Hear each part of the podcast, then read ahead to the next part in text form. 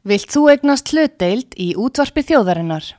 Sendu tölvupóst á hlutabref at útvarpsaga.is eða ringdu í síma 533 3943. Útvarpsaga stendur vörð um tjáningafrelsið.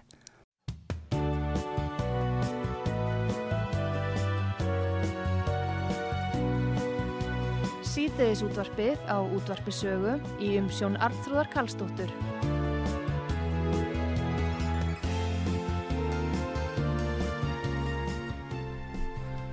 Komið þér sæl, um, fyrir að hlusta út á sögu Artrúð Karlsdóttir og Pétur Gullarsson hér. Það komið til okkar Sigmundur Davíð Gullarsson formaði með flóksins og við ætlum að ræða við hann um útlendingafrumvarpi sem að liggur fyrir þinginu núna og hatusóraðina. Þetta eru tvö mál sem eru á dasgráð þingsins en uh, það er hins vegar uh, annar mál sem er alveg glænýtt sem íslenska þjóðun er að verða vitni að, að það er svona verið að gera Íslendinga meira sínilega í stríðsátökum eftir fundu fórsvættisráðnara með kanslara Þísklands í gær. Og það er fristandi að fá viðbröð frá Sigmundur Davíð Gunnlúsinni gest okkar hérna, góðan dag Sigmundur Davíð og velkomin. Góðan dag og þakka þið fyrir, alltaf gaman að koma.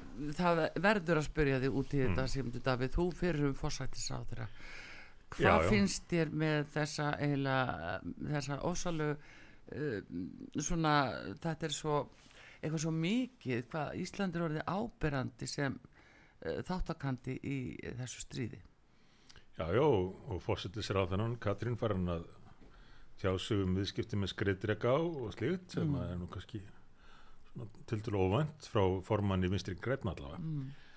En þetta auðvitað ásýr nokkuð langa sögu, ég man eftir því þegar að uh, Ragnir Eilin Árnadóttir, þá verðandi þingmaður sjálfstæðisflokksins benti á það í umræðum áltingi 2011 líklega, að sprengjurnar sem að þá fjallu á Líbíu oh. væru líka vinstri grænarsprengjur. Mm. Og þetta er kannski svolítið lýsandi fyrir uh, þróun stjórnmálana að það sem farið að skipta takmarkuðu máli hverjir sitja formlega í ríkistjórn svona stefna kerfisins heldur bara áfram áður var það talið óhugsandi að þingmaður alþýði bandalagsins erði jána hvort dómsmálar á þeirra eða þeirra einfallega vegna þess að þeir voru mjög svona sér á parti með, með sína stefnu. En uh, nú kannski skiptir það ekki eins miklu máli lengur og við erum með um, formann þjóðarauðurikisráðs sem er Katrín fósittisraðra þar sem að stefnan snýst fyrst og fremst um þáttöku okkar í NATO. Já. Og ég er ekki að, að gaggrína uh, þessa stofnun þetta fyrirkomulega þjóðururkisráð eða, eða stefnuna þar en, en það er svolítið lýsandi fyrir breytt stjórnmál að uh, leiðtói þess flokk sem að lengst af hefur nú verið lengst til vinstri á Íslandi skuli vera farin að halda utanum um hernaðamálinu Já, það er líka þetta með landfræðilega legu Íslands að við erum þarna mitt á milli eh, bandaríkjana og svo Evrópu. Og þetta er náttúrulega oft verið í umræðinni sko þessi sín þeirra á kemlauguflugvöld og aðstöðuna þar og, og þetta sé svona uh, þetta sé svo kjörin vettvangu til þess að hafa einhver hernaðilega afskipti. Og þannig að maður spyr sér sko sem þetta er hversu mikið eiga Íslendingar að hafa sér svoni frammi? Hva, hva, hvers vegna er þetta? Ísland náttúrulega þegar, þegar að það var það sjálfstöðu ríki eh, markaði strax á stefnu að vera hlutlaust land mm. og að því marki að Ísland fekk ekki að verða stopnaðila samlið þjónum vegna þess að stjórnvöldur ekki tilbúin til að lýsa yfir stríði á hendur uh, nazistum í lóksetni heimstiljaldarinnar og auðvitað má, má velta því fyrir sér hversu hversu eðlert það var að neyta að lýsi við stríði á, á hendur nazistum þegar að þegar stríðið var í raun búið. Mm. en þá var þetta bara prinsipið að Ísland væri hlutlöst ríki. En, en það auðvitað breyttist með þáttöku okkur í NATO. Að vera þáttakardur í, í NATO þýðir að við getum ekki verið hlutlaus. Og, uh, og þáttakar þar hefur dýta við höfum tekið þátt í meðal annars hernaðaraðgerðum sem að stjórnmöld hér þá hafa samþygt í rauninni því að þau hafa ekki andmælt á, á vettfangi NATO hvort sem það var uh, Líbía eða eða þetta stríð núna heldur, heldur tekið þátt með, með bandamönnum sínum. Já, En, allarsvarsbandalagi er sett á laginnan til þess að verja líðræðisríkin gegn kommunístaríkjum, já, já, kaldarsíðum. Síðan eh, hverfur þetta og, og, hérna, og þá er spurningu um það. Það er kannski verið eðlilegt að það færi fram umræða um framtíða hlutverk allarsvarsbandalagsins eftir að Sovjetiríkin fjallu 1991 og Östublokki fjall 1989. já, já, sumir vildu nú meina að allans bandalagið hefði verið svona tilvistarkreppu eftir fall eh, kommunismans í Östur-Európu og verið að leita sér að nýju hlutverki.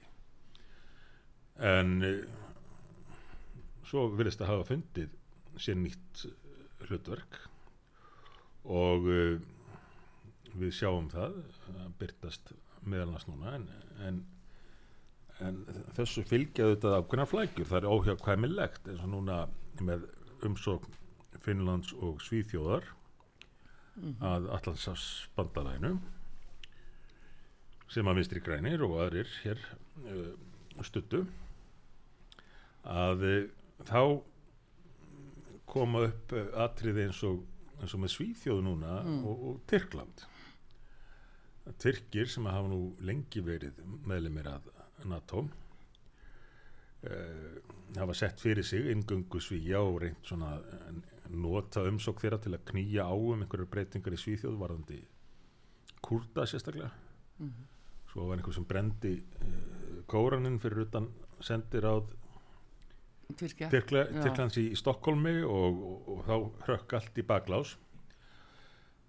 En þetta er bara áminning um það að í þessum stóru alþjóðamálum þá koma oft upp uh, hlutir sem að geta, geta flækt samskiptin mjög verulega. Og nú vilist ekki vita hvort að svíjar komist inn og hvort að finnar eiga þá að fara ein, einir eða, eða hvað.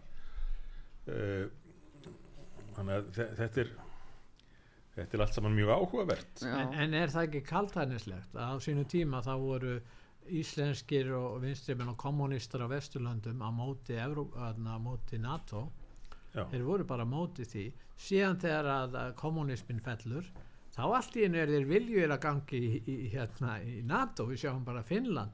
Uh, Stalin reðst inn í Finnland. Finnland fór ekkert fram á það að fara í NATO setna, nei, Nei, en nei, þeir þeir- gera það núna.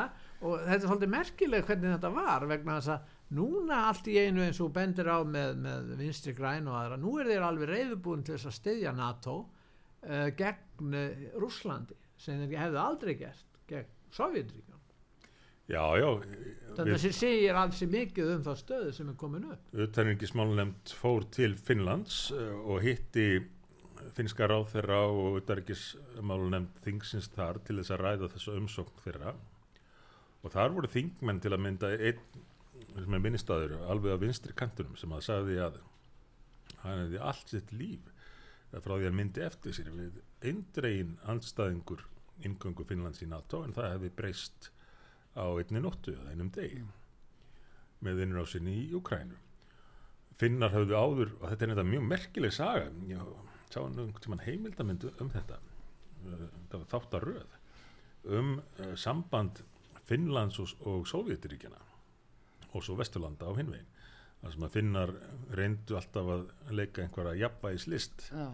þar á milli en nú telja þeir að sér standi ógn af uh, Rúslandi og, og hafa metað sem svo að þá sé örugara fyrir þá að vera þáttakandur í NATO Já. En NATO skipti sér ekkert af því á sínum tíma þegar rússar riðust inn í Ungverjaland 1956 eða inn í Tjekkoslovækju 1968 eða þegar þið brutu niður uppreisnu verkamanna í östur hluta Þískalands, östu Þískalandi hvað 53 þannig að, að hins vegar þá, þá, þá datt NATO-mönnum ekkert í huga að gera það að styðja. En núna hins vegar hefur átt, átt í stað þessi breynd hvernig stendur á því? Hver er hugsunin á bakvið? Akkur er allt í einu fullveldi Úkrænu og þessi, þessi krafa stjórnmálamann á vesturlandum að segja við erum að verja gildi okkar við erum að verja réttaríki við erum að verja líðræði sem er í hættu. Ég meina, akkur vörðu er það ekki 56 í Ungverðilandi eða, eða í Tjekkoslovækju þar var sannlega verið að ganga gegn líðræðinu, gegn tjáningafrælsinu gegn mannréttindum og einstaklingsfrælsinu í talningu um egnaréttinum þannig að, að þetta er svolítið sérkennlegt af hverju þetta verður núna? Af hverju gerist það? Mér finnst ekki rætt nægilega mikið um þetta. Hvað segir þú? Já, þetta, þetta er kannski eftir að koma upp í þinginu núna. Já, já það er ekki dólíklegt þetta er náttúrulega breyttur heimir, það er ekki lengur já, gamla ógnarjapvægið mm. sem að viðhaldi var hér á, á kaldastriðsárunum og þetta er, er NATO ekki beitt þáttakandi í stríðinu í Ukrænu en, en NATO lönd hafa uh, viljað styðja við Ukrænumenn vegna þessar innrásar og talið mikilvægt að við halda þeirri reglu í alþjóðakerfinu að, að landamæri séu virt og ekki, ekki ráðist inn í sjálfstæðalönd standavörðum fullveldi. Og Já. það er nú eitt af því sem, sem að við kannski koma aðeins inn á hérna fyrir okkur Íslendinga að hérna e, núna hins vegar vil ég byrja á e, að ræða við í sambandi við Uh, útlendingafrumvarfi sem liggur í þinginu Já. og uh, það var komið fram breytingatillögur frá stjórnaranstöðu uh, flokkum og það verðist einhvern veginn ekki vera möguleik að fá einhverju lendingu í þetta mál hvernig er miðflokkurinn stemtu gagvart þessu? Þú ert ekki þú ert ekki alveg nú ánaðið með frumvarfið Já, þetta er náttúrulega engu orðið þetta frumvarf, það er lagt fram núna í fymta sinn og hefur verið þynt út í hvert einasta skipti og, og líklega var mesta breytingin e, núna síðast frá því að máli dagað upp á, á síðasta þingi og þannig að þetta kom fram núna þar sem var tekið út það ákveða sem hefði kannski skipt mestu máli þegar að fólk væri búið að fá hæli mm. búið að sækjum og að fá hæli í öðru landi þá færið það aftur til þess lands mm. þar sem hmm. það hafði sótt um og, og haft árangur sem er við því mm. Nú er búið að henda þessu út. Að kröfu vinstri græna kom nú í ljós, fósittisráð fyrir hann viðkendi það í fyrirtum í fyrrata held ég og uh, félagsmálur á þennan tók undir það í þingin í dag. Að þessu hefur verið hendt út að kröfu vinstri græna uh, og þá veldur mann að fyrir sér. Hvers vegna hefur þessi flokkur Vafki þetta ægi vald yfir sjálfstæðisflokk að hann geti hvað eftir hann að stoppað mál frá þeim? Að menna sjálfstæðisflokkurinn verðist uh, láta allt yfir sig ganga sem kemur frá vinstri grænum. Og þetta er sérstaklega merkilegt í ljósi þess sem gerðist í lók síðasta þing, þings síðasta vor. Þá tókst þeim að tróða í gegn í þriðju tilrun máli sem gengur í þver öfuga átt við það sem þessu var ætlað að ná fram. Og ég er að tala um, um málum samræmda móttöku og hvað þýðir það mál? það þýðir að allir eigi rétt á sömu þjónustu, sömu greiðslum sömu uh, aðstóð og svo framvegis óháði hvernig þeir koma til landsins mm. og áður en uh, þetta, þetta gerist í áratugum saman hafðu Íslendingar tekið á móti kvotaflottamönnum og vilja gera það vel frá stopnun flottamanna ráðs 1995 og til 2019 böðu við til landsins að meðaltali 24 mm. á ári. Og vildum taka vel á móti þeim. Nú í fyrra komu líklega um 5.000 og þessi lagabreiting uh, felur það í sér að 5.000 á, á ári e, eigi nú rétt á því sama og, og, og stjórnvöld treystu sér til að veita 24 áður. Mm -hmm og þetta er auðvitað til þess fallið að uh, merkja Ísland ennum frekar sem áfangastað mm. þeirra sem að skipulegja þessa fólksflutninga alla. Og upplýsingarna dreifast hratt þarum allavega, sjálfstæðisflokkurinn let sig hafa það að pína þetta mál eh, framsóknar og, og, og vinstir í græna í gegn. Án þess að treysta sér til að klára eigið mál sem átti þó að hafa einhver áhrif í hinn áttina átti að vera til þess fallið að ná einhverjum eh, tökum á því sem að dómsmálaráþarum kallar réttilega núna stjórnlaust ástand. Og, og þeir, eh, þeir voru beigðir þannig brotnir á bakastur eina ferðin enn en sögðu að, að það fylgdi þó sögunni að, að þeirra mál, litla útlendingafrömmarpið fengi að klárast. Hvað gerist svo á nýju þingi? Málið klárast ekkert og hann var búin að nota tíman í, í fyrra sumar til að finna það ennþá meira út í vonum að, að samstagsflokkarnir myndu standa við það sem þeir hefðu lofað. Þegar þeirra mál fór í gegn að þeir myndu standa við að, að klára litla útlendingafremmarpið þá var þeirra búin að henda út grundvallar atriðum í málunu en það dugar ekki til. En er ekki skýningi svo, segmundur, að stór hópur innan sjálfstæðisflokksins er sammála vinstri grænum að hafa hér opin landamæri og það er málið, það er til dæmis maður eins og dómsmálar á þeirra sem er á annari skoðun og það er mjög erfitt fyrir hann að koma að þessum litlu breytingum eins og þú bendir réttilega á. En eh, það er hreinlega vegna þess að innan sjálfstæðisflokksins þá líta þess svo á að hér eigi bara fólk að koma hvar, hvar þeir halda þetta sér gott fyrir atvinnulífið.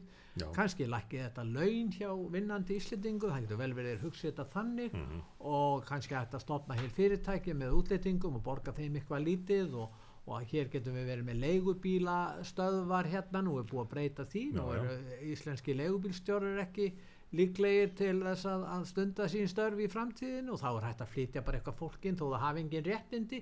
Og svo græða menn á því að reka þetta og þetta er svona ímislegt í þá átt. Er það ekki skýringin á þessu? Og sjálfstæðisflokkurinn kemur ekki heill fram sem flokkur en er alltaf að, að leika sko þann leik að, að þykjast vera einhver flokkur til hægri en er í raun og veru fyrst og fremst hagsmunabandalag þar sem þeir frekustu inn á flokksins ráða mestu og er í raun og veru að gera grína dómsmálar og hafa hana engu í raun og veru í þessu máli Já, segðu, þetta er stór hluti af skýringunni að minnstakosti. Líktu bara á landsfund sjálfstæðismanna núna um daginn, ekki, svo, ekki alls fyrir löngu. Það sem að þeir höfðu samið í Valhöll uh, ályktun stefnu í þessum hælisleitundamálum. Og hún var kynnt á, á landstinginu og tekinn til umræðu í, í nefnd. En í nefndinni voru nokkur menn sem að bentu nú að það að, þetta væri ekki vænlegt til árangus það sem að lagt var upp með þarna undir uh, fyrirsögninni bjóðum þau velkomin uh, og vildu gera smávægilega breytingar til að laga þetta aðeins þetta voru, þetta voru ekkit stórar breytingar en svona aðeins til þess að laga textan áður en að hann er því samþyktur þetta náði í gegn í nefndinni og varð ofan á þessar breytingar. Hvað var þá gert? Málið var tekið aftur fyrir. Það var látið, mann voru látið greiða atkvæði um það aftur svona eins og Evrópusambandi gerir eða það fær ekki rétt að niðurstöðu. Og ein af skýringunum sem að gerna voru hjá fundastjórunum var að, að málið hefði verið afgreitt svo snemma að ungir sjálfstæðismenn hefði ekki verið vaknaðir. Þannig að það þurfti að taka þetta aftur fyrir og greiða aftur atkvæði. Það var gert. Breytingatilugnar kolfeldar til að hann valhöll sem ég horfi nú á hérna út um gluggan Mhm. uh, samþygt og svo les maður þessa ályktun sjálfstæðisflokksins og ber hana saman við ályktun uh, samfélkingarinnar um sama mál í sömu viku og ég hefði ekki geta gert greinarmun á hvort væri hvað ef nafn flokkana hefði ekki komið fram. Því þetta var nákvæmlega sama uh, stefnan.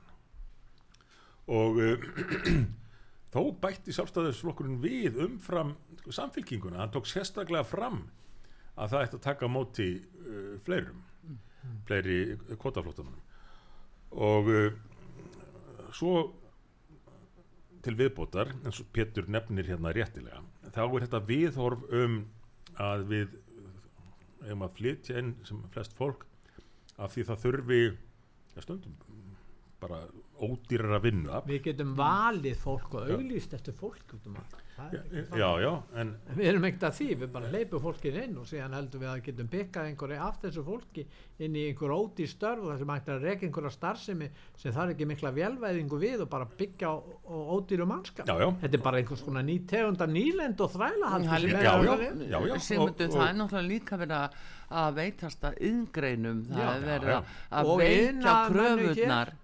og, og, og, og e, e, útlendingar eiga jafnvel að hlaupa í þessi störf Þetta er alveg stór undalegt hvernig menn eru farin að blanda saman þessum hælisleitundamálum og, og svo uh, þörfinni fyrir ódýrar vinnuafl.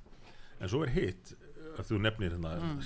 yngreinar og slíkt. já, Uh, og það er alveg rétt að aukin uh, innflutningur á vinnuafli auðvitað heldur aftur af, af launa möguleikum þeirra sem fyrir eru. En, en svo stundum halda menn því fram að já, við eigum þó allavega bara að, að sækja fólk í þau störf sem við þurfum á að halda. Hjúgrunarfræðinga og, og einhverja með, með þá mentun sem að uh, við þurfum mest á að halda hér á Íslandi. Sama heyri maður í mörgum Európulöndum en þá spyr maður sig er það siðferðislega rétt að Vesturlönd séu að reyna að lokka til sín fólk sem að fátakari ríki, þróunarlönd, eru búin að verja peningum í að menta og er nöðsynlegt í þeim löndum til að byggja upp samfélagin já, eigum við að arðræna þessi lönd með því að reyna að lokka þetta fólk allt til okkar? Mm. að hvað er nú mikilvægast og auðlind hvers lands, maður heyrir því oft flegt að það sé um eitt fólkið þessi fólkið og mentunin og er það þá forsvaranlegt, segðfrislega fyrir Vesturlönd að eh, reyna að ná öllum mentaðasta fólkinu sem, að, sem samfélagi þarf, þarf mest á að halda já og, búin að ná í einhverja sérþekkingu og annars og, En er ekki eitt þáttur í þessu líka hérna, sem að menn vanur ekki að ræða? Það er umræðan það er verið að tala hér um fjölmenningu. Það fer aldrei fram raunverulegu umræða hvað felst í fjölmenningu. Og eins og Angela Merkel viðkendi hún hefði missefnast á sínu tíma. Hvar hefur hún hefnast? hvar hefur hún hefnast í Svíþjóð? Haldið þið virkilega að það er að koma týjur þúsunda hérna frá ólíkum löndum, Venezuela, Asíu, Afríku, hvaðan sem það kemur í nafni fjölmenningar? Halda menn virkilega að það kosti ekki neitt? Halda menn virkilega að það muni styrka íslenska menningu ég meina, akkur fyrir ekki fram umræð um þetta? Og í hver Já. skipti sem menn fara að ræða þessi mál þá verða annarkort hrættir og flýja af hólmi eða vegna þeir eru hrættir og verða kallaði nýnasistar. Já, já, ég meina, það verður alltaf, það, það verður það er fólk verður að rýsa upp gegn þess Sigmundur, það er einmitt núna sko að þetta er núna í þessari umræðu. Þú hefur verið að, að tala og tjáðið um þetta Já. nokkuð. Og þá sprettu fram einhver svona umræða sko, eh, þá, þá má það ekki já, já, þetta er svona ákveðin ógnarstjórn. Já. gera fólk það hrætt að það þú er ekki að tjá sig, fara Já. sjálfur ytskoða sig, hvort sem það eru stjórnmálamenn eða fólk út í bæ. Að því að ógnin hangir yfir um að vera stimplaður. Eru Vesturland að verja þessa tegunda tjáningafrelsi með því aðstóð Úkrænu spyr ég. Þeir segja að við erum að verja tjáningafrelsi við erum að velja ákveðin gildi. Og svo er verið að innleiða hér eh, hérna, skerðing og tjáningafrelsi í stórumstíl Já, það, er- það, það er nú aldrei verið að innlega skerðingu á, á, á tjáningafrelsi Já. en, en, en það er rétt sem þú nefndir Pétur með, með þetta hugtak fjölmenningu. Snemma á, á þessari öld kannski 2005, 6 og, og, og það er í kring þá voru all margir þjóðaleituar sem að sem að viðurkendu það opinberlega að þessi hugmynd hefði mistekist, hún gengi ekki upp. Ég get nefnt mér þess að Tony Blair David Cameron í framhaldinu og eins og þú bendir á uh, Merkel núna ekkert, það var nú ekkert að marka sem David Cameron eða David eh, eða hinn. Það það en, en menn þá letur sig hafa það að, að, segja þetta reynd út. Enda höfum við þetta séð og upplifað þróunina meðalans hérna á Norðurlandunum af, og, og afraksturinn af, af þessum hugmyndum svo segja með stundum á móti en sjáðu bandaríkin bandaríkin eru dæmi um, um fjölmenningar ríki nei, þau eru það ekki þegar að eh, sem flestir uh, voru að flytjast til bandaríkjana frá Evrópu á setni hluta uh, 19. aldar og í byrjun 20. aldar þá ráku stjórnundar mjög uh, afdráttalösa stefnu um að aðlaga uh, fólkið að bandarískri menningu. Sem var fyrst og fremst Evrópubúar sem voru að flytja já, já, akkurat, og, nákvæmlega og þrátt fyrir það, þá sáu stjórnum það var ekkert velferðarkerfi til í bandaríkjónum þannig að það fór enginn til bandaríkjónum til að komast á velferð. Nei, nei, það var til að að fá útvega sér tækifæri hann var bara að að fá tækifæri. Akkurat, akkurat. Að þetta, þetta er daldið ískyggilegt og, og mann finnst stundum að þeim mun stærri sem málin eru, þeim mun meiri áhrif sem þau hafi á samfélagið í samtíma, samtímanum og til framtíðar þeim mun þrengri sér rammun um það hvernig megi tjá sig um þau. Og nú er fórsetisir á þeirra aldeilis að bæta í uh, varðandi eftirlit með því hvað fólk má segja og hugsa með, með hreint ótrúlegum áformum já, um, uh, um annars vegar enn eina stopnurinn á sviði mannréttindamála og svo hins vegar skildunámskeið fyrir alla ópenbæra starfsmenn og meira sér kjörna fulltrúa. Skildunámskeið um hvernig þeir megi hugsa og hvernig þeir megi tjá sig. Já, þú varst einmitt að spyrja fjármálar á þeirra að því mm. hvort að hann hefðist uh, fara slíkt námskeið eða hvað. Eða hann hvort fyndist um hugnaðist, eða- það var nú ekki annað að heyra á ráþörunum menn að hann hefði nú ekki alveg verið inn í þessum áforum uh, fósittisráþurann sem að kynnti þetta svona yfir hátíðarnar og enn og aftur kemur þetta upp að ráþurar vafgi virðast mega slengja málum fram og bóða hitt og þetta án þess endilega að hafa samráð við, við hinnaflokkana en, en ef að sjálfstæðis ráþurarnir uh, gera einhvað þá þá stígur vafgi á bremsuna En, en Bjarni, fjármálaráþurann, hann sagðist gælda miklum varhug við hugmyndum um að skilda fólk á einhver námskeið. en væri ekki hægt að hafa námskeið skildu námskeið fræðslu fyrir opera starfsmenn og fleiri um, um mannréttindi til dæmis tjáningafrelsi væri það ekki ágætt að menn fara að kynna sér hvað fælist í tjáningafrelsinu því að maður, það er alveg ótrúlegt eh, hérna sem myndur að hlusta á fjölmjöla hér þar sem að starfsminnis opinbera sem eru fasta gestir til dæmis á rúf þar ákveðin aðila sem fá þar alltaf inni Já. og hugmyndir þeirra um mannréttindi eru svo furðulegar að, að þeir haldi raun og veru að mannréttindi séu engungu félagslega réttindi og þeir Mhm. virðast, það er útiloka fyrir þá að skilja hvað felst í tjáningafelsinu Já, það virðist vera, því miður. þeir þurfa að fara á námski Já, og hvernig þeir- væri að koma því á, á. Þeir geta haft gott af því, eh, en þó finnst mér einhver skuggalegt við að- skilda alla á námskeið, en, en sp- spurningin er líka þessi. Hverju munu kenna námskeið? já, hvernig muni kenna hefur hversu breyður verður sá hópur? Já, þeir gæti að fá sagfræði kennan nú Vesló sem var að fjalla um því Já, ég myndi Ha? til dæmis telja hann líklegri en marga aðra til þess að vera ráðin í þetta er hlutverk. hann Já, ekki að lista hjá AFG er það ekki skilir að hafa verið á Jó, jó, lista jó, jó. er það ekki það? Ég, ég meina það, ég skal bara tala hreint út. Þannig er náttúrulega verið að búa til vinnu meðal hans fyrir uh, marga kjósundum minnstri græna. Fólki sem er búið að útskrifast úr vandamálagreinunum og undanförnum Já, ég árum og þarf að hvað að gera. já, þetta er áhugamál þeirra þú er alltaf Já, já, og, og, og mjög afmarkaður hópur með afmarkaða skoðanir. Það, það verða yngir kennarar á þessum námskeiðum sem útskýra mikilvægi málfrelsis eða mikilvægi mannréttinda á borðið eignarétt eða einhvað slíkt. Þetta verður spurningum það að, að útskýra fyrir fólki á skildunámskeiðum hvers vegna vinstri grænir hafi rétt fyrir sér um, um lífið og tilveruna.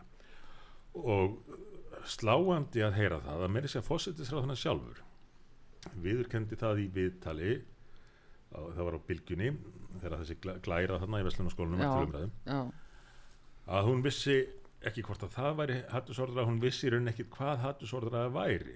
Þessna þyrfti hún að fara á námskeið. Mm, og þegar fjármálar á þegar hann gaggrindi þetta eins og þú nefndir og hún, hún er aftur tekinn tali þá bara fórhertist hún og sagði að fjármálar á hann þyrfti að fara á námskeið um hvað var í hattusordraða þannig að hann erum við að tala um fósettisir á þeirra vinstiri græna sem að bregst við efasemdum uh, leiðtóa stærsta flokksins mm, með því að uh, segja að hann þurfi bara að fara á, á námskeið í, í vinstri grænum fræðum já, já. Skildu námskeið þetta er orðið svo galið.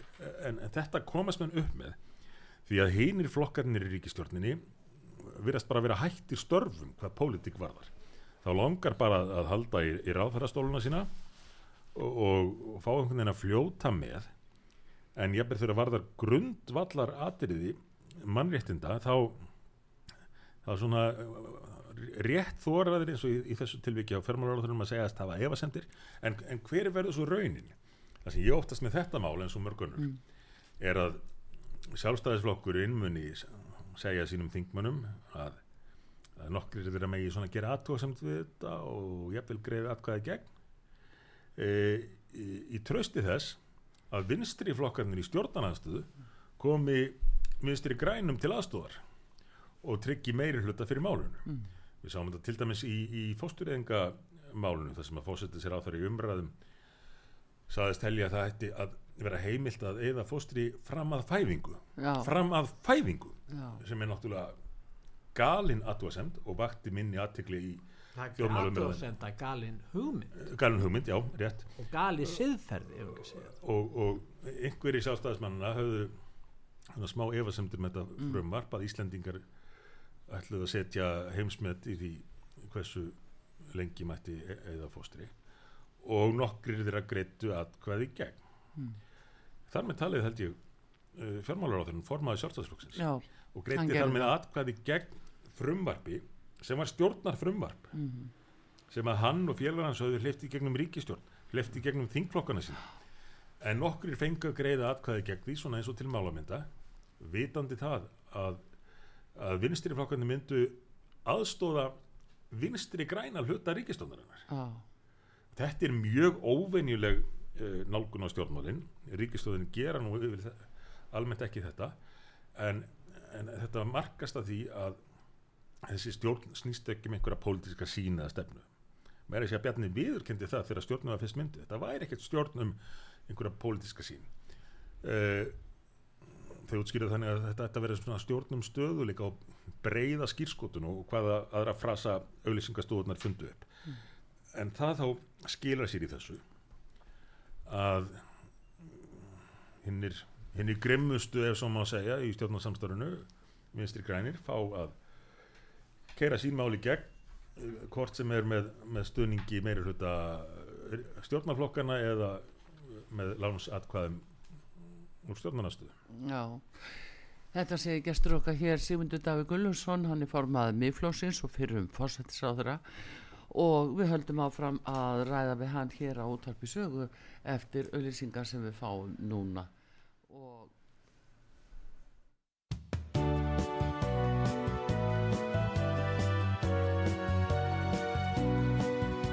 Síðdeðis útvarpið á útvarpi sögu í umsjón Arnþróðar Karlsdóttur.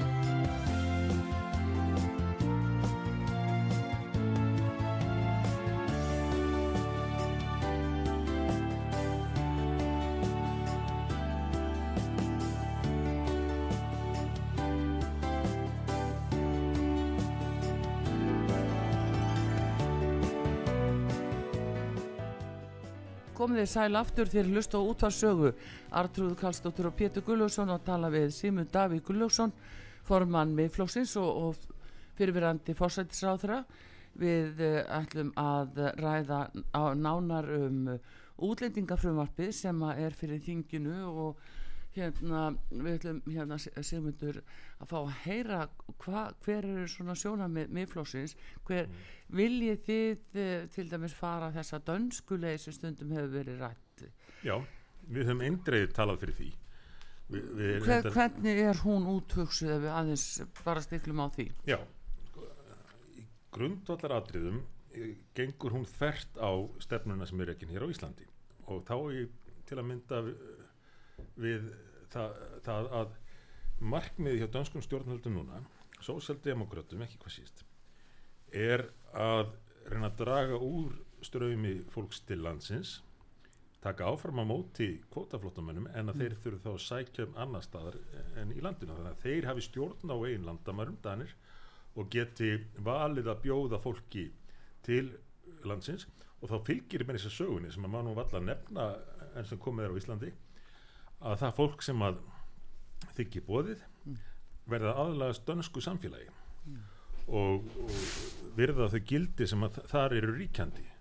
Í rauninni öfugt við þessa svo kalluðu fjölmenningastefnu það sem að samfélagin áttu að reyna á einhvern hátt að aðlagast öllum ólíkum uh, hugarheimum og sjónarmiðum hvaðan af úr heiminum. En eh, Mette Fredriksson fórsetisir á þeirra sagði að markmiðið með breytingunum hjá þeim væri að enginn mætti til Danmerkur til að sækja þar um hæli. Uh, þetta var ekki víst að það, það markmiði næðist en það væri markmiðið að enginn mætti til landsins til að sækja um hæli. Heldur þyrftum menn þá að sækja um uh, annar staðar og, og, og danirnir dansk stjórnvöld myndi þá bjóða fólki til landsins. Hér er búið að fara í þver öfugátt og búa til mjög sterka kvata meðal annars með þessum nýju lögum sem ég nefndi hérna áðan. Kvata fyrir þá sem að skipulegja fólksflutninga um að uh, leiðin liggi til Íslands. Vegna þess að hér er búið að flækja kerfið svo og búa til svo mikla möguleika á að tefja mál og áfrýja og svo framins og svo framins og jafnvel þegar að endanlega niðurstað liggur fyrir jafnvel eftir tvö ár um að einhverjir eigi ekki rétt á hæli síðan með öðru- öðrum orðum ólöglega í, landinu þá er ekki einu sinni hægt að senda fólki heim ef það neytir að fara. Og ef það er sendt heim þá kemur það tilbaka með næstu ver já, já, á undan lauruglunni sem að þó að tugi lauruglumann þurfa að fylgja fólki út þá, Mm. þá eru þeir sem að fyllt var út með það miklum væri tilkostnaði komið heim áður. raunverið að bara hafa opin landamæri út frá sjónum með þessa Já, sko, eðli málsins Já. er það. Já, hvaða umbúði sem mann setja utan um það. Já, að það er rekin stefna um opin Já. landamæri það En það sem að þið með flósmenn vilji gera það er þið vilja að fólk uh, því verði bóði til landsins það er sér að brunni að, að velja úr eða hvað já, já, velja úr, úr þá sem að er í mestri neyð Já. hafa mesta þörf Já, já. fyrir hæli Já, en um leið að gera kröfur til þess fólks Mm. eh, eins og í Danmarku og það var mjög merkilegt að uh, fylgjast með því og lesa um það hvernig þessi stefnubreiting varð hjá dönsku krötunum. Því að þeir voru búin að velta þessu fyrir sér lengi og, og upplifa það að, að fyrri stefna hefði einfallega ekki gengið upp með áratuga reynslu af mistökum. Uh, og komist að þeirri niðurstöðu að flokkurinn gengi út á stert uh, velferðarkerfi. Og það færi ekki saman að viðhalda sterku velferðarkerfi og opnum landamærum. Þess að opin landamæri gengu gegn grundvallar hugssjón flokksins þetta er einhver sjálfskoðun sem skortir algjörlega á hjá til dæmis íslenskum jafnaðmönnum og, og vinstri flokkunum yfir höfuð. En eh, þeir leti ekki þarfið sitja heldur komið með lausnirnar. Og ég nú lesið stefnu dönsku krattana oft. Hún er ótrúlega vel ígrunduð tekur á flestum þáttum uh, þessa vanda og, og býður upp á lausnir mm. en lausnin fyrst og fremst gengur út á að ná stjórn á ástandinu hér hins vegar ríkir stjórnleysi eins og meiri sér að dómsmálur á þannig sjálfur hefur ítrekkað núna nýverið ástandið sé orðið stjórnlust mm. Ríkislauglustjóri sá nýverið ástæð til þess að senda frá sér viðvörun um að um að innviðinir réðu vart við þróun eins og hún var í orðin mm. en það sjáum við þetta á, á en, öllum sviðum samfélagsins. en þetta, akkurat þetta fyrirkomulag sem við erum með núna og, og hérna mm, það býður upp á mannsal sem Davíð.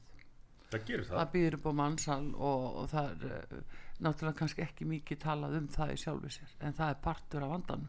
Af því að völdinni hafa verið færð til þeirra sem skipulegja Já, En þá erum við að tala fyrirkjöpjutur hérna, þá erum við að tala líka um þá sem að, að eh, koma fólki fyrir í bátum og sjá því bara um. Þetta eru, þetta eru bara heilt ferðalags þetta eru svo verðaskristofur þó að það sé náttúrulega glæpa líður alveg að vestu gerð. En getur verið að við sem að horfa upp á það Sigmundur, að nú erum við að tala um 5.000 uh, sem kom í fyrra það er gert ráð fyrir sömu tölu núna jáfnvel fleiri að ef þetta heldur áfram í, og heldur bara áfram og þetta fólk má ná í ættingar sín og annað þá erum- við að horfa upp á upplösningssamfélag Já, ef þetta heldur Sko ef við erum að tala um við erum að fá rafbissur núna. Já. ástæðin fyrir því er náttúrulega stórikin glæpatíðinni það getur vel verið að það þurfa að fá aðr, önnur vopp líka. Og þá verður allt samfélagi grimmara og ef mennur að leggja áslá mannúð þá verður það ekki til að auka hér mannúðlegt aðrúnsloft í okkar litla velferðarsamfélagi. Og við Íslendinga höfum ekkert efna á því að vera með alþjóðlegt velferðarkerfi hleypa öllu fólki sem vil bæta efnaðarsing hvar sem er í heiminum til Íslands. Nei, nei, þetta er náttúrulega galið. Og, eh, og, og þú talar um, um fólk á, bátum og, og það er nú búið að vera stort mál í Breitlandi til að mynda mm. ferðir yfir Ermasundið. Já. það sem að í mörgum tilvægum fólk er að flýja frá Fraklandi Já. búið að fá hæli þar þeir sem að eiga, eiga rétt á því en vilja fara til Breitlands já, af því þeir telja það vænlegri áfangastað og nú er Ísland að gera sig að einna vænlegasta áfangastaðnum því að þótt þetta sé búið að vera eitt stærsta málið í breskum stjórnmálum undan farin misseri þá er fjöldin sem kemur þangað uh, til dæla lítill meða við hlutastlega meða við það sem að, sem að koma til Íslands. Já. og þó uh, taka menn ekki á þessu hér í rauninni íta undir uh, þróunina. Og þetta hefur þau áhrif.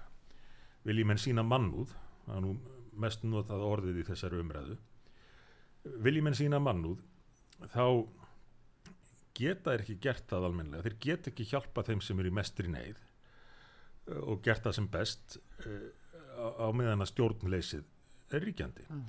og, þessar ferðir eru að mjög verulegu leiti skipulaðar Evrópusambandi sem er nú í hafugum haft hjá sumum þeirra sem að þó vilja halvu opinn landamæri þessu segir að meiri hluti þeirra sem koma til Evrópu semst, frá löndum utan álfunar meiri hluti komi á vegum einhverja sem að skipulegja þær ferðir selja ferðirnar. Já, og uh, þær eru selda til dæmis á Facebook.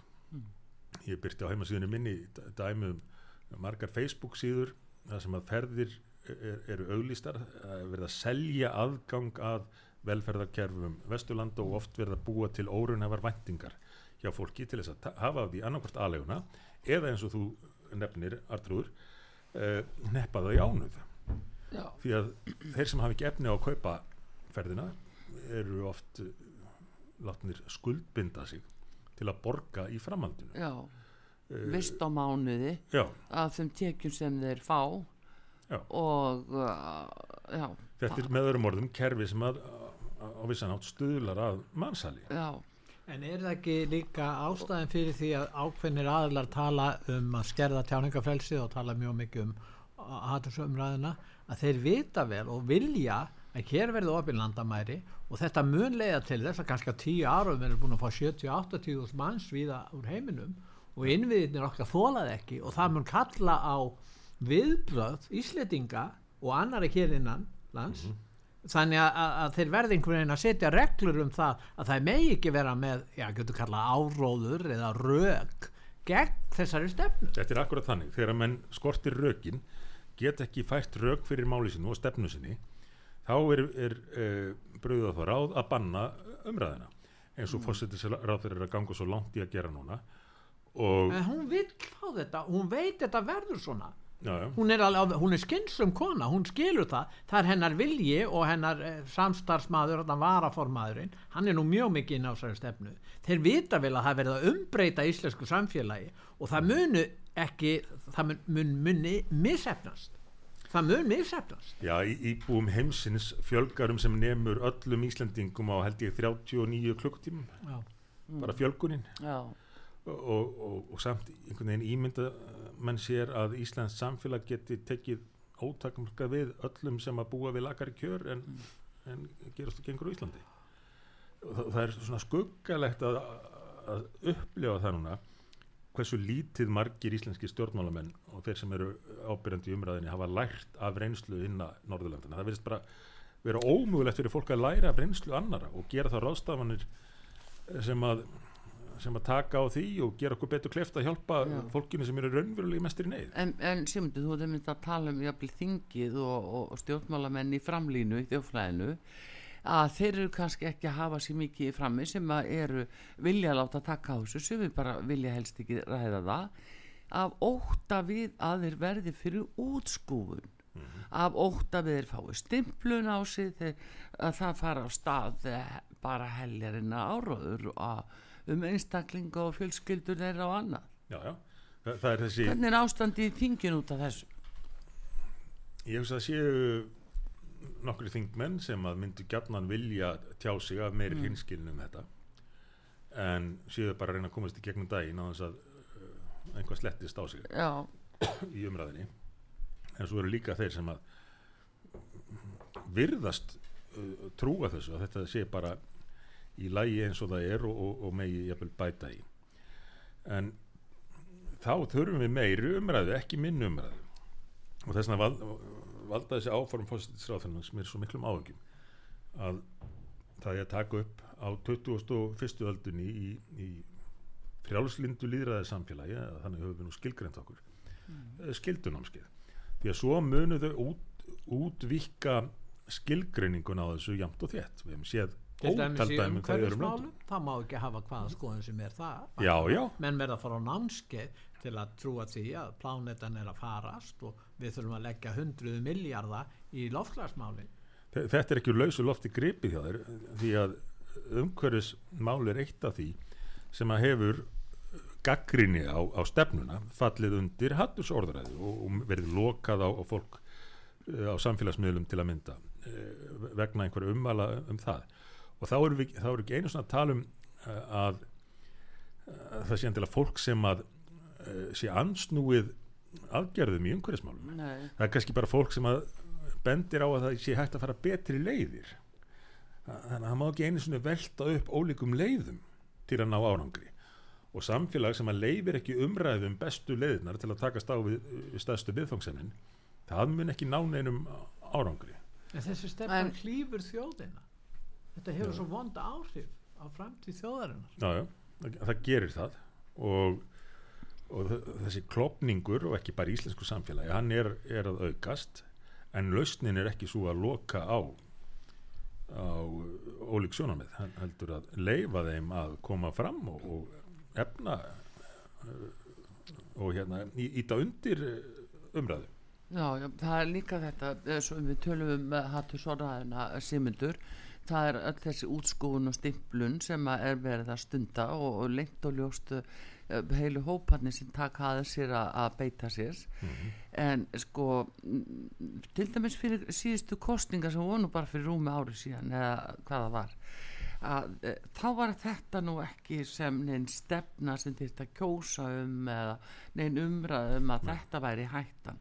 Hvaðan kemur þetta? Ég ætla að benda þér á frétt sem við erum með á heimasíðu út á sögu núna það er að ESB, Evrópusambandi krefst þess að svíjar grípi til aðgerða gegn tjáningafrælsinu þú veist eh, sko, eh, hvað er um að vera? Vitið það inn á þingið er búið að segja ykkur eitthvað? Erum við að kókleipa bara það sem kemur ellendis frá? Það er náttúrulega mjög mikið um það.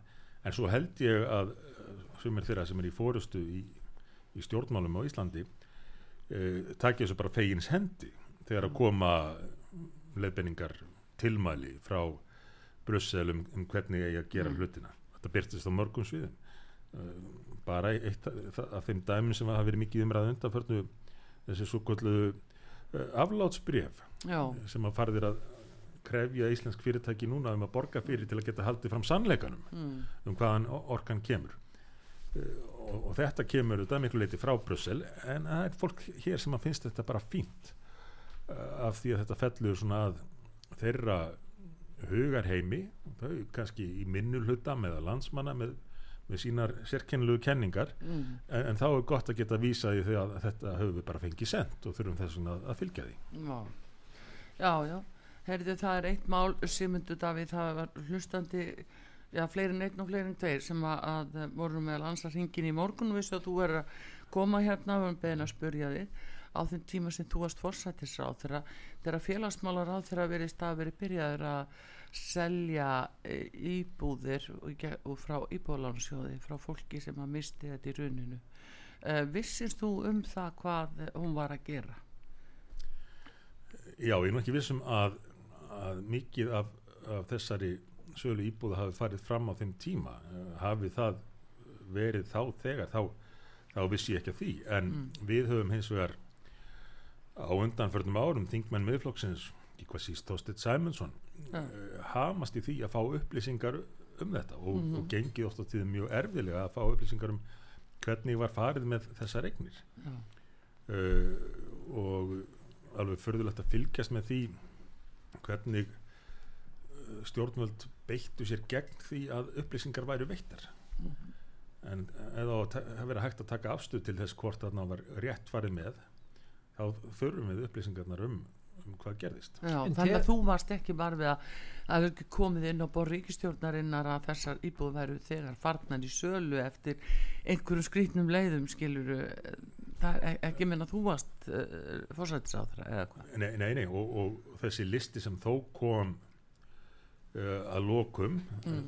þó takmarkaðar væri þó náða að kríja út eftir já, eitt og hálft tvö ár að tilhörnum til þess hann auðvitað listað upp uh, sölur uh, og millifærslu sem hafðu gerst uh, töluvert eftir tíð þe- þessari ríkistjóðnar en, en það er eitt og annað í, í þessu sem þarf að skoða betur til að mynda þegar einhverjir fengu að kaupa fjölda íbúða á þeim fossendum að þær ættu að fara í í leigu sem, hjá óhagna drifnum já, leigufélagum já, já, það var einmitt og svo er nú held ég allur gangur að því hvernig það hefur já, já, eftir En Simundur, er það lagaskylda þínu mati hjá fórseta þingsins að hérna byrta skýsluna um Lindarkól? Hvernig er svo staða eiginlega? Nú segja við mig, ég hef nú talað við nokkra lögfræðinga og lögmenn og þeir svona velta þessu fyrir sér og þeir bara halda þessi bara skylda mannsins að byrta þetta. Já, maður skildi, um maður skildi alltaf það og, og ég, ég, enn og aftur vakti ég nú aðtikla á þessu í tengslum við umræðina um Íslandsbanka og skýslu ríkisendur skoðunda um, um þá sölu að enn væri ekki búið að byrta upprunalegu skýsluna um Lindakól og fyrir þá hlustundu sem að, sem að mun ekki hvað, hvað það er þá er það ríkisfyrirtæki sem að stopna til að halda utanum mikið af eignunum sem við tókum yfir frá slitabúum bankana já, þegar við í raun neittum vóunasjóðina mm, til að afhenda eignir upp á margundur miljardar, komið yfir þúsund miljardar í heild núna uh, verðmætin. Mm, uh, og svo hefur þetta verið selt? Uh, jæmt og þétt á undarförnum árum. Og þarna var skrifu skýrsla um hvernig staði hefði verið að sölu þessar eigna. Og að því mér skilst byrtist talsverð gaggrinni á hvernig uh, það hefði fa- farið fram hvað var til dæmis jafnræði og, og slíkt. En þetta hefur ekki enn fengist byrt búið að liggja í þinginu uh, árum saman Fyrirgeðu Simundur, hver er skýringin á því að verið að, að reyna að fela einhverja já, spillingu sem hugsanlega hafi átt, hafi átt sér stað varðandi sölu á eignum inn að föllinu banka? Ég, ég, ég skal ekki segja en, en það var áhverð til dæmis að lesa viðskiptamokkan í, já var það í morgun eða í gær tíminn svo rætt fórsið viðskiptamokkans var fjallað um tilraunir blaðsins til þess að fá upplýsingar úr fjármálaráðunutinu um kostnað við þetta ferli og þeir þurftu að reyna aftur og aftur og, smátt og smátt komið þó einhverjar upplýsingar sem var búið að stróka yfir eh, eitt og annað. Uh, og enn liggur þetta ekki fyrir. Þannig að fjármálaráðuniti í þessu tilviki er mjög trekt til þess að veita upplýsingar um hvernig þetta allt En getur fjármálarendur stoppað þetta eða get, er hægt að segja við Birgi Ármarsson þú átt sem fórsiti þingsins að byrta skýrslu. auðvitað á hann að gera það og ég er búin að Ríkisendur segja það hann og starfar fyrir þingið, ekki já. fyrir framkvæmdavald. A- hvað með umbósmann alþingis hvað segir hann Já, hann eh, þrátt fyrir, þrátt fyrir heiti stofnunarinnar þá e, yfirleitt vill hann ekki blanda sér í innri mál alþingis það er rétt sem Pétur segir að ríkisendurskoðun starfar fyrir alþingi og það er eðlilegt að krefja fósetta þingsins um Mm. það að, að byrta þetta mm. uh, og uh, Nú er hann lögfræðingur og veit vel hann á að byrta skýrsluna. já, maður skildi ætla það maður skildi ætla það Já, það er þannig. en uh, en það er, það er svona uh, stundum stundum gildir ekki það sem að menn þó halda fram í ræðum að, að það er ekki að gagsægi og, og sem mestar upplýsingar. En þetta er svolítið skuggalegt mál því að upphæðinan eru svo háar, heil 1000 miljardar. Já, fór reyndar ekki allt inn í Lindakvór Nei, en, en nei. uh, mjög, mjög verulega mikið og þetta voru alls konar eignir, þetta voru fyrirtæki og kröfur og ýmslega Já, já, akkurat. Og þá skildi maður nú ætla að almenningur ætti rétt á upplýsingum um hvernig með þessar eignir var farið. Já, hérna svona síðustu veistu hvenar uh, þið fáið skýsluna uh, endalega frá um, Íslasölu Íslandsbanka? Já, frá fjármáleftileitinu það er ég hef ekki, allavega ekki heyrt neinn viðmið með, með dagsetningu. Við munum það nú með fyrri Íslandsbankaskísluna að það var oft gert ráð fyrir henni Mhm. og svo var því frestað ítrekkað eina sem ég veit hva, hvað þetta var að gert er að væri ráð fyrir þessu í, í byrjun þessa árs. Í janúar líklega en svo veit nú maður sagt hvort- að sé bara eitthvað samninga meira er á milli uh, hérna málsæðila eða Íslandsbanka og, og uh, fjármálættilitsins Já. Og það það kann að vera ég veit ekki Nei, það er svo skrítið að það sé ekki að það sé þó ekki komið bara inn á borð þingsins og, og fólk viti þetta almennt sko. Já, já, einmitt ha, Það er margt grítið þessu. Já, heyrðu en Sigmundur við hérna tíma okkar er náttúrulega búið núna og allt það og, og gaman að fá því eins og endra nær en hvernig heldur þetta að fari nú svona samt í þinginu að uh, ég menna við sjáum að við erum uh, rosalega upptekinn af strísumræðinni okkar valdhafarsumi hverju miskusti hafa sér mjög í frammi á þeim vettvangi. Er þjóðin að gleymast? Að þetta kostnaði þjóðarinnar? Ef við séu góðum umræðina sem er í gangi og málin Já, hagsmunir þjóðarinnar gleymast finnst mér í auknum mæli á meðan að stjórnmálamenn eh, hafa meiri áhuga að innleiða sín sérstöku hugðarefni eins og hatturs námskeið og, og annað slíkt en, en huga fyrir vikið ekki nógu vel að grundvallar atturum sem að stjórnmál áttu nú að snúast um eins og hvernig Mm. mætti bæta kjör almennings það er þetta ágefni líka hversu hvað stjórnmála umræðan er farin út og söður og frá því sem hún ætti í raunin að ganga út á Þú er búin að segja þetta þátti lengi nefnilega. Já, já. það sé ekki verið að tala um stjórnmál. Ha, en uh, við allavega náttúrulega búin að því núna og Já, hérna og þakka, ykkur fyrir að gefa tækifæri já, til þess. þakka ykkur kella fyrir komuna. Sigmundur Davíð Gullusson formaði miðflóksins og fyrir um fórsættisráðra takk fyrir komuna. Takk, Takk. fyrir komuna. Nú Artrúður Kallstóttur og Pétur Gullusson takk ykkur fyrir og takknum aður í útsendingunni Bræði Reynisson við takkum fyrir. Fyrir sæl